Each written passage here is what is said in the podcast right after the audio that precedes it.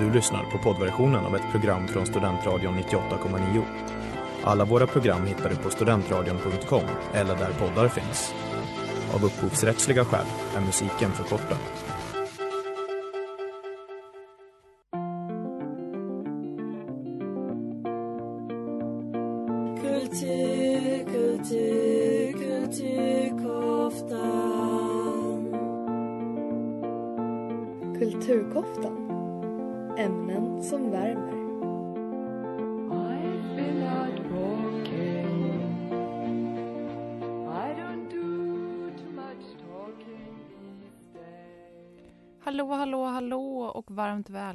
Till Kulturkoftan här i Studentradion 98,9. Jag heter Helena Bjurbom och med mig här i studion har jag Kai Leokvist. Leokvist. Ehm, ja, vad kul att vara tillbaka här. Helt otroligt. Helt otroligt. Vi tog ju en liten, en liten semester. Ja, en liten semester. Du har varit eh, strandsatt på Gotland. Ja, hashtag stormen Kiara. Den- Ja. Ja, alltså riktigt bitchnamn alltså. Mm. Ursäkta för alla Kiaror, det är säkert jättetrevliga. Men alltså Storming Kiara förhindrade Storming. mig att komma till terapin och seminariet. Ja, det var, det var synd. Du hade ju... Och jag hade faktiskt läst en av två böcker. Precis. Hur ska det gå för Pinnebergs? Hur ska det gå för Kaj Lokvist? Borde det heta istället. Ja, verkligen. Ja, nej men eh, det, det är skönt att du är tillbaka. Jag har bara haft feber denna otroliga vecka så att jag är lite febersnurrig och hoppas att jag ska kunna hålla ihop det här programmet. För vad ska vi prata om idag egentligen? Ja, vi ska prata lite, det jag har tagit till bordet är lite av en artists musikaliska utveckling. För att vi är ju inget musikprogram Helena. Nej. Men vi pratar ju om kultur och jag tänkte att ett bra sätt att prata om det här för att det är även en, en artist som jag såg live härom veckan, äh, eh, Angel Olsen. Och då tänkte jag, men då kollar vi lite på hennes musikaliska utveckling helt enkelt. Jättespännande. Jag, eh, förresten så formellt, det här ska, ska, har jag tagit till bordet. Eh, vad jag har tagit till bordet är eh, en helt otroligt underbar och lycklig kulturspaning. Eh, och också lite kulturdebatt om författare. Don't grab my hand. Rip Your Shirt med Ida Laurberg. Laurberg. Eh, du lyssnar på Kulturkoftan här i Studentradion 98,9 och nu är det dags för veckans inslag. Veckans kulturspaning.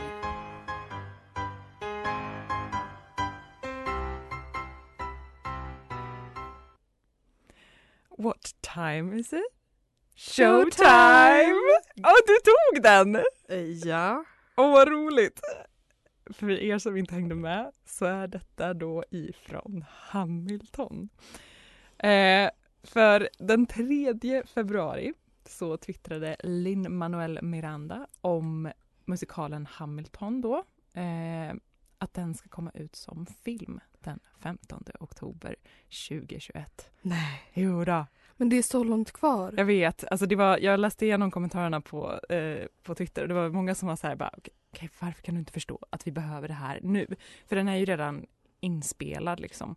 Eh, så liksom i praktiken hade den ju kunnat. Men menar alltså den inspelade musikalen Mm. kommer komma ut på film? Precis, så det, är ju inte, det kommer ju inte bli en liksom, Mm. spelfilm utan det kommer, den är inspelad då från tre olika föreställningar eh, men sammansatt till en liksom, musikal då så att det är själva scenframträdanden. Och då känns det ju faktiskt lite B att vänta, att behöva vänta i typ två år. Ja, jo men precis. Men det, en bra grej är att det är eh, original eh, eh, ensemblen. Nej vad kul. Mm. Alltså literally senast i morse så tänkte jag Gud vad jag verkligen någon gång önskar att jag hade kunnat se originalensemblen på Hamilton. Men Det låter helt eh, absurt men alltså det, det var i morse som Ja, jag tänkte men- på det. Det jag håller med dig, det är helt otroligt. Den eh, alltså, hade ju premiär 2015 så det är inte jättelänge sedan liksom.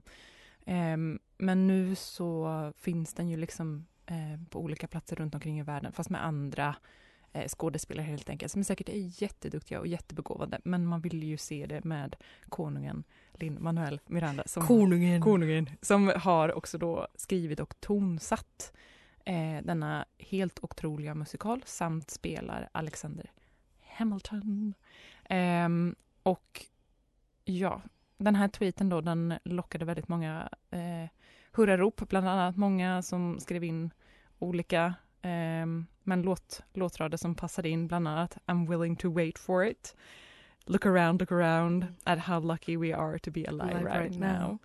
Eh, men också i och med att det är Disney som har köpt rättigheterna så var det många som Oh my god, Alexander Hamilton is going to become a Disney princess. Eh, Åh. ja. Så kul. Gud vad jag skulle vilja se eh, Disney liksom deras typ animerade, animerade Hamilton. Du, det kommer säkert komma. Alltså eller eh, hur? Ja, jag tror det. Men för grejen är att det här var en ganska ett påkostat köp. Kan du gissa vad det kostar? Eh, ett par mil bille. 75 miljoner dollar. Åh herregud. Mm. Eh, så att eh, Disney har skjutit in med eh, mycket. Men eh, De om... har ju typ köpt hans själ vid det här laget. Ja, sad. For good cause. Förlåt, vad skulle du säga Elena? Nej, jag tänkte bara säga det att om man inte är bekant med Hamilton och vill bekanta sig lite eh, så kan man eh, dels då lyssna på musiken skulle jag vilja rekommendera man gör. Men framf- alltså man kan också gå in på Youtube och kolla på när då eh, originalensemblen framför flera olika låtar i Vita huset. Eh, och Och på Tony Awards. Precis. Obama sitter längst fram och typ så här tindrar med sina ögon. Det är helt eh, otroligt faktiskt. Eh, de är så himla talangfulla. Gör det. Stop staring med Japan Man. Du lyssnar på Kulturkoftan här i Studentradion 98,9. Välkommen tillbaka.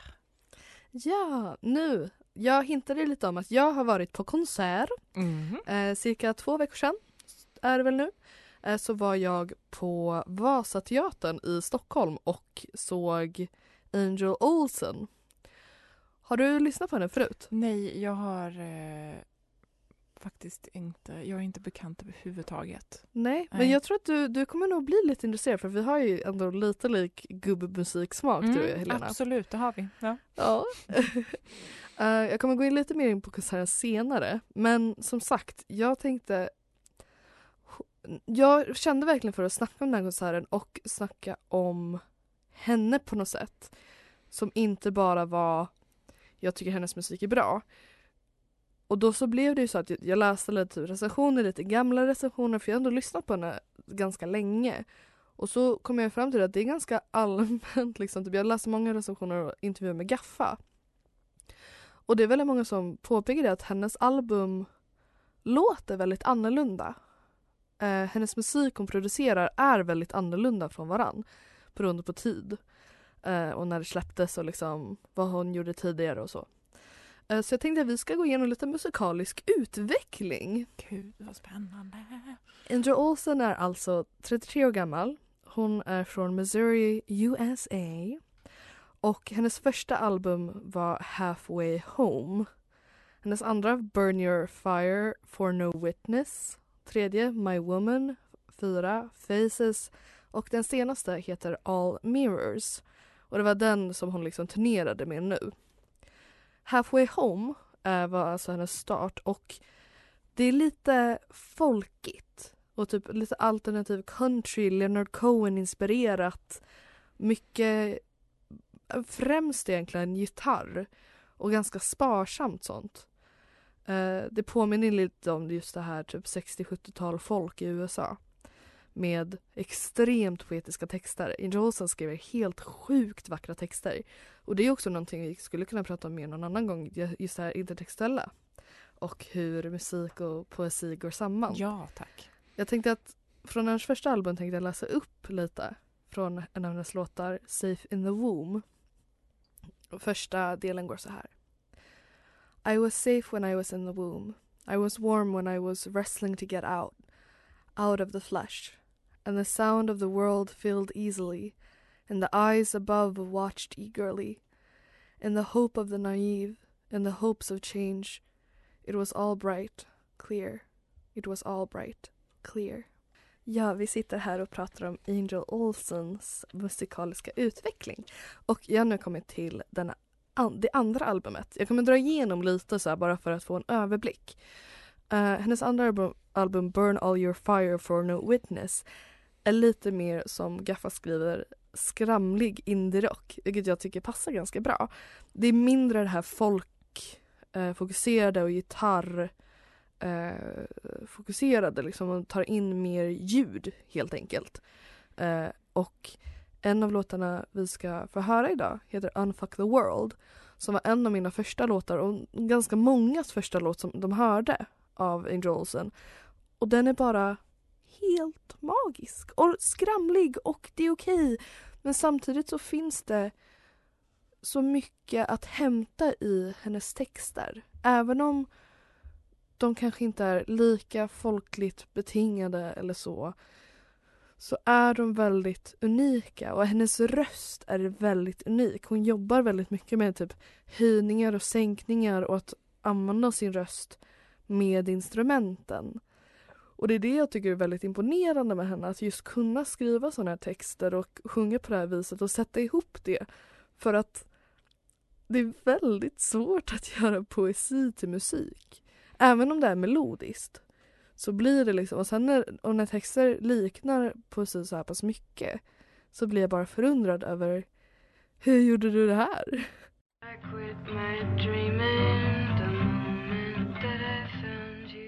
Det var alltså Angel Olsen med Unfuck the World. Och nu har vi kommit till tredje albumet. Jag vill bara säga att jag tyckte väldigt mycket om det här skrovliga. Det var väldigt Eller hur? fint. Det här, Ja. men det är som Gaffa skrev, liksom skramlig indie-rock. ja men precis. Att det är lite mer ljud. Um, det tredje albumet alltså, My Woman, fortsätter lite med det här stökiga indie-rocken men är väldigt liksom ändå tydlig på något sätt. Hon gjorde hela albumet själv. Skrev, producerade allt. Det är helt sinnessjukt egentligen. Eh, och det hon säger i en intervju, jag tror att det är med Gaffa, eh, är delvis att låtarna blev väldigt liksom olika varann på grund av att hennes liksom produktion och producentroll och hur hon anammade det den processen ändrades ju med, eh, med liksom låtarna. När hon gjorde en låt och sen gjorde hon till och sen så kanske hon lärde sig någonting nytt om det och sen så liksom utvecklades det ganska organiskt vilket gör att det tredje albumet är lite lite mer, kanske inte osammanhängande men hon gjorde så att hon la de lugnare låtarna på B-sidan, liksom vinyltänk liksom. Uh, för att de i början är lite mer, inte aggressiva men mer så här liksom skrovliga liksom så här. Och sen så andra sidan är mer den här tillbaka lite till det lugnare. Eh, vilket är väldigt fint. Och då är det till exempel hennes låt Sister som kanske inte handlar om systrar i, för sig, i, i sig men om en känsla om att vara i stunden. Och det är någonting också som jag typ känner under hennes musikaliska utveckling att det blir, texterna är alltid liksom poetiska men de ändras i vilken grad de är typ alltså assonansliknande. Um, ehm, inte assonans. Uh, men lite mer typ metaforliknande och så. Utan hon skriver väldigt sällan typ det här är det jag säger. Utan hon skriver oftare bara det här är en känsla som försöker liksom som hon försöker gestalta nästan. Och eh, sen så hennes fjärde album heter Faces och där har vi till exempel Flying your wall som är en otrolig låt, en av mina favoriter. Och den är ganska lik Trean och Tvåan liksom. Alltså det, det, blir det är väldigt kul att lyssna igenom hennes album speciellt kronologiskt för att man hör liksom att ah, där är lite tillbaka till dit men nu är det lite nytt. Uh, för det är såklart så utvecklas alla artister på olika sätt men det är någonting med henne som gör att man bara Åh, vad kommer nu? Nu ska vi få höra en låt från hennes senaste platta eh, All Mirrors. Och det här var den låten som hon avslutade med på konserten. Som hennes encore. Och den är helt magisk. Och ja, lyssna bara. I needed more. Det var alltså Angel Olsen med sin låt Endgame från, sina sen- från sin senaste platta All Mirrors. Och varför jag ville spela, varför jag just har valt att spela, eh, jag läste upp från eh, lite text från hennes första album. Eh, och sen spelade Unfuck the World. Och sen den här är för att jag tycker att de tre sakerna kompletterar lite i varandra i att visa hennes musikaliska utveckling. Eh, just att gå från den liksom folkliga eh, ganska texttunga eh, till Unfuck the World så blir det lite mer eh, det här stökiga indie. Eh, och nu, alltså det var det som jag var inte beredd på med konserten. Att det var, hon hade liksom stråkar. Det var, det var, ett det var väldigt många i bandet. Varav två stråkar liksom. Och i intervjuer så har hon sagt det liksom att i frågan om liksom, för folk märker det att hennes låtar har utvecklats. Och hon säger det att det handlar mycket om de instrument och de musikaliska lärdomarna hon har haft. Um, att hon blev blivit mer bekväm med piano och då liksom kanske känner att uh, det är inte lika rock'n'roll för att hon kände att jag behöver inte den hårda gitarren och basen utan kan lägga till stråkar. Och verkligen det blir ett sånt vackert eh, liksom stycke nästan. Det är nästan inte som en låt längre utan det blir som ett stycke. Musiken får ta lite mer plats än orden. Även om orden är väldigt välvalda och poetiska i sig. Um, och då så blir det liksom, det blir väldigt mycket, det blir lika mycket känsla som In the Womb, A Safe in the Womb från, första platt, från andra plattan. Men mindre, eller färre och mer liksom kraftfulla ord som avspeglas i instrumenten och i hur hon sjunger. Det, det är helt enkelt, det är som några gaffar skrev, det är liksom musik som får ta lite tid. Den här låten är liksom fem minuter lång och den ska inte vara en sekund kortare egentligen. Nej, nej, nej. Den var helt otrolig. Ja. Och, och, ja. Jag, Det- kände, jag hade typ velat springa på en sommaräng med eh, den låten i bakgrunden. Så det är nästan som man vill liksom göra en film bara så man kan använda hennes i soundtrack. Liksom. Det är ju Ja. perfekt. Just det här känslosamma. Och man känner verkligen det hon sjunger om. Och det tycker jag också var kul för att ibland på konserten så kunde jag inte helt höra vad hon sa. Men det gjorde ingenting. För att jag hörde vad hon menade liksom. Ja, det är väl ändå ett ganska ultimat, otroligt betyg för en, en artist, tänker jag. Man kan förmedla känslan liksom i samlat intryck. Ja, och det var ja, en riktigt, riktigt bra konsert som sagt på Vasateatern. Um, jag var bara lycklig. Hon är svincool och bara står där och sjunger med sin otroliga röst. Det är... Hon, det, det coolaste, bara sista grejen, var hennes relation med bandet. För att de körde typ inte pauser utan de typ körde jam sessions emellan låtarna. Typ när hon behövde byta gitarr eller stämma eller någonting så bara drog de igång någonting och någon började bara du, du, du, och så började stråken liksom hänga på lite och bara så här väldigt organiskt utvecklad musik och man kände verkligen att alla var in tune med varandra. Ja. Liksom. Acid med Jockstrap. Aj Helena, nu har jag snackat allt för mycket denna episod eller vad man ska kalla det. Nej. Program. Tycker jag inte. Så nu är det faktiskt dags. Vet du vad? Min älskade.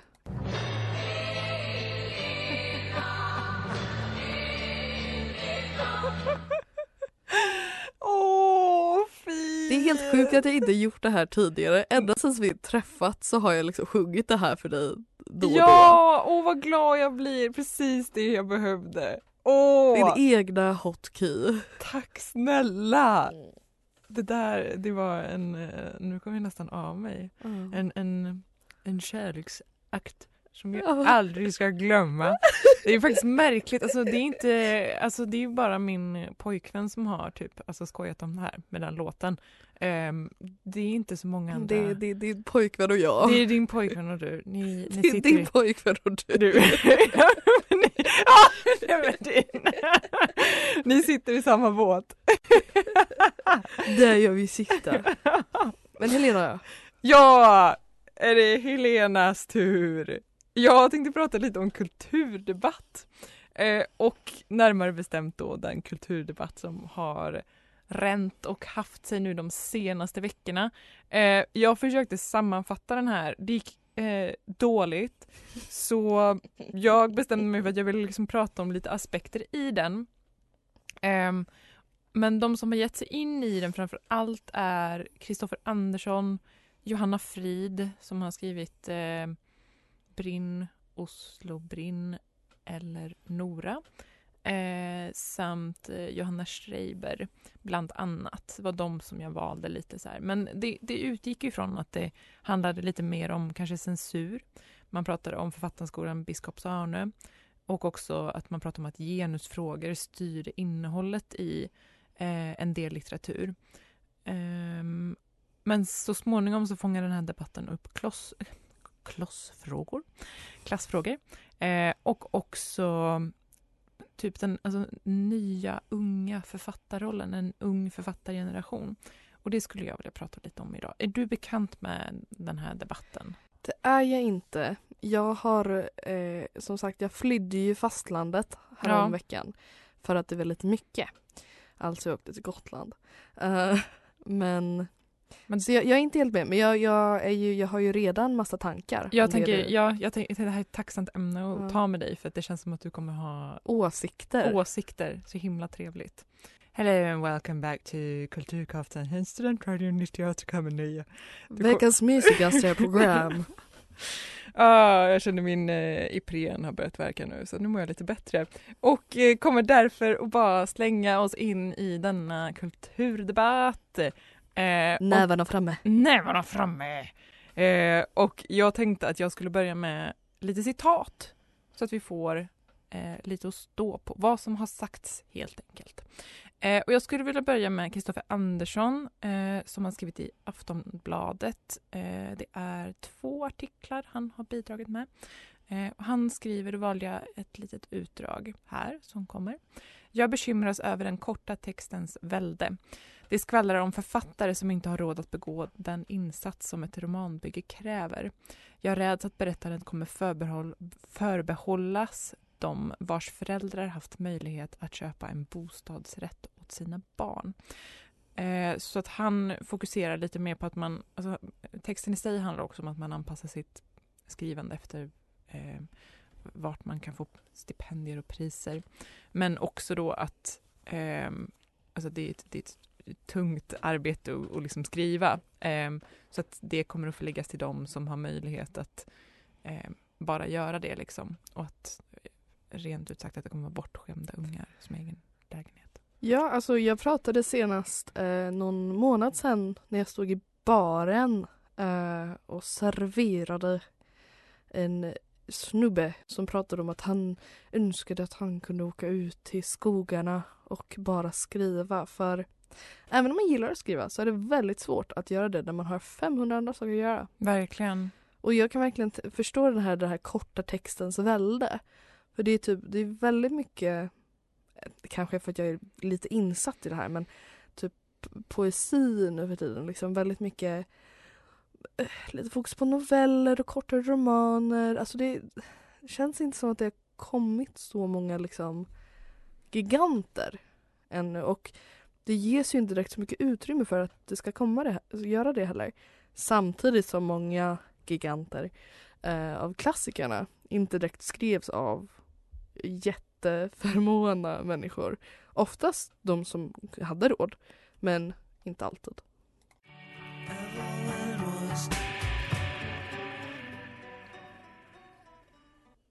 Cursed med Wyatt Smith som också är veckans singel. Du lyssnar på Kulturkoftan här i Studentradion 98,9 med mig Helena och Kai. Eh, och vi pratar då lite kulturdebatt. Eh, om eh, ganska spretig kulturdebatt, men den handlar om författare. Den handlar om författarskolor. Eh, ja, men klass, alltså vad det är för möjlighet för ens egna skrivande. Eh, och därför skulle jag vilja övergå till Johanna Schreiber som själv är författare. Eh, och hon har skrivit i Göteborgs-Posten följande. Samtidigt har jag svårt att motsätta mig den idén att det knappast är en slump att de senaste årens rännil av samtidsskildringar fulla av Tinderdejter, knark och sex beror på att en stor del av dagens unga litterära författare skolats i samma klassrum. Men en viktig aspekt har glömts bort i diskussionen om de unga eh, författarna. Att det går att skriva precis vad som helst så länge människor är beredda att betala för att läsa det. Eh, det finns inga problem i att beskriva samtiden så länge det görs på ett så bra, så roligt, intressant eller så provokativt. Eller så provokativt att människor vill läsa det som skrivs. Eh, men det är intressant för det börjar ju så här med lite med att det är som att, att författare stöps i en och samma form. Eh, och det är också lite av det här som kanske spirar, att man tycker att det här liksom är jag vet inte, ett bortskämt fånigt tema, men jag skulle säga att det, det är väl, alltså det är så litteraturhistorien har funkat fram tills nu, att det kommer en ny författarskara, skriver om någonting som faktiskt är en gemensam upplevelse för flera liksom i den eh, generationen i samhället och så klankar andra ner på det. Um, och det behöver inte innebära liksom att man har, att det utgör någon typ av armé människor som liksom har skolats på samma sätt utan det är väl för att det är en kollektiv upplevelse, tänker jag.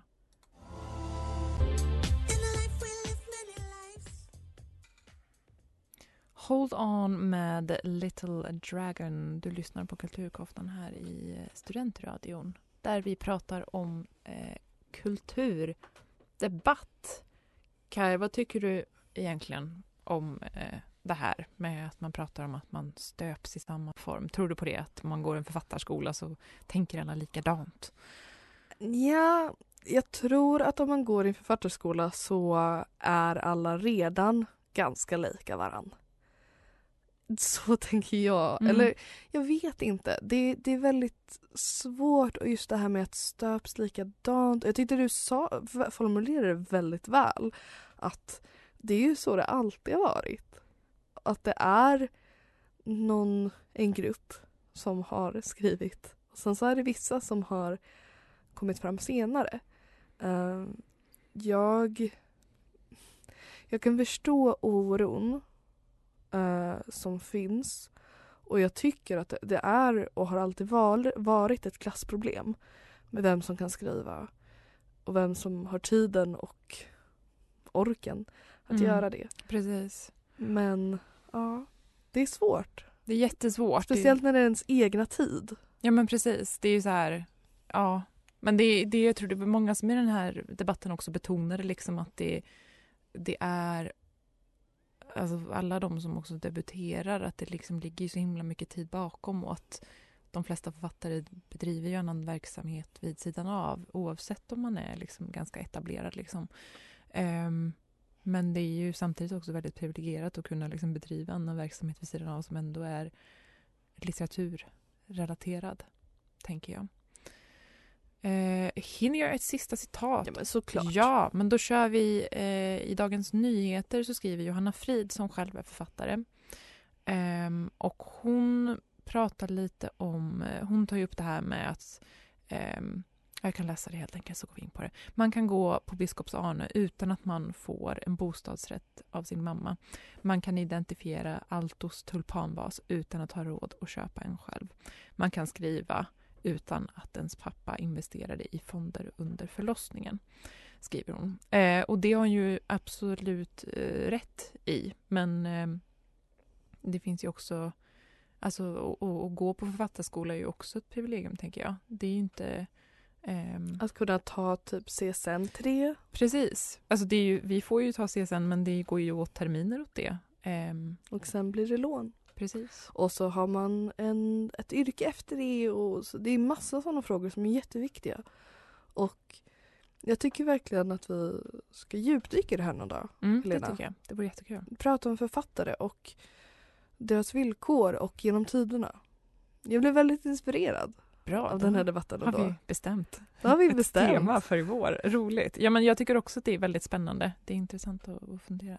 Ja. Tack för att ni har lyssnat. Tusen Eh, tack. Vi hörs nästa vecka. Ni kan nå oss via Facebook på Kulturkoftan i Studentradion 98,9. Följ vår Instagram där vi lägger upp massa nonsens och behind the scenes. Eh, koftan understreck kultur. Och ja, lyssna på musik, skriv när ni har tid. Ha det mysigt. Ta hand om er och kom ihåg alla hjärtans dag är ett kapitalistiskt påfund.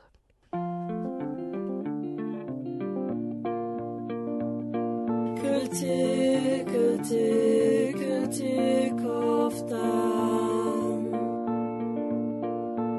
Kulturkoftan. Ämnen som värmer.